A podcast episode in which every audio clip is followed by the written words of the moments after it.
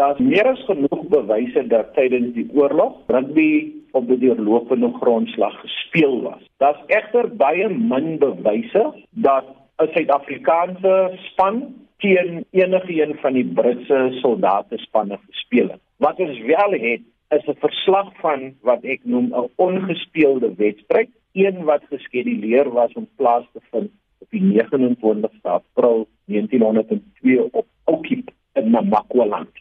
Die Transvaalse Verkenningskorps onder leiding van veldgeneraal Mani Marits het hom bevind in die omgewing van Concordia en op 28 April stuur Marits 'n brief na Major Edwards van die Britse magte waarin hulle ooreenkom om 'n tydelike skietstaking te hê sodat hulle 'n wedstryd tussen die twee kante kan speel vanaf 12 uur die middag tot so sonsondergang. So dit gee jou genoeg tyd om te speel en dan seker ook 'n bietjie plesier te maak voordat elke kant dan weer teruggaan om die wapen op te neem. Maar omdat dit oorlog is en dinge nie vooruit geloop kan word nie, breek daar gevegheid tussen die boere en die Britse magte in die omgewing waar tydens 4 Britse soldate en 6 van die burgers gesneuwel het. Nou mense verwag met mense wat sneuwel in oorlog wat nog weer aan die gang is dat die wedstryd outomaties opgeskort sal word. Maar die feite sê dat sonder om die wedstryd onmiddellik en outomaties af te las, was daar nog oorweging geskenk aan die voortsetting van die wedstryd. Op die ou end het hulle besluit dat onder die omstandighede dit nie gepas sou wees nie. Dis nou aldus die weergawe van generaal Bouwer van die boerekant. So wat ons hiermee sien is dat sport het self die vermoë om onder sekere omstandighede 'n oorlog te kan stop. En moontlik moet ons die wêreldbeker rugby finaal ook nou teen daai agtergrond sien as 'n afhandeling van onafgehandelde sake. Daar was ook 'n wedstryd in Pretoria gewees wat 'n tipe skermutseling tussen die boere en die Britte was.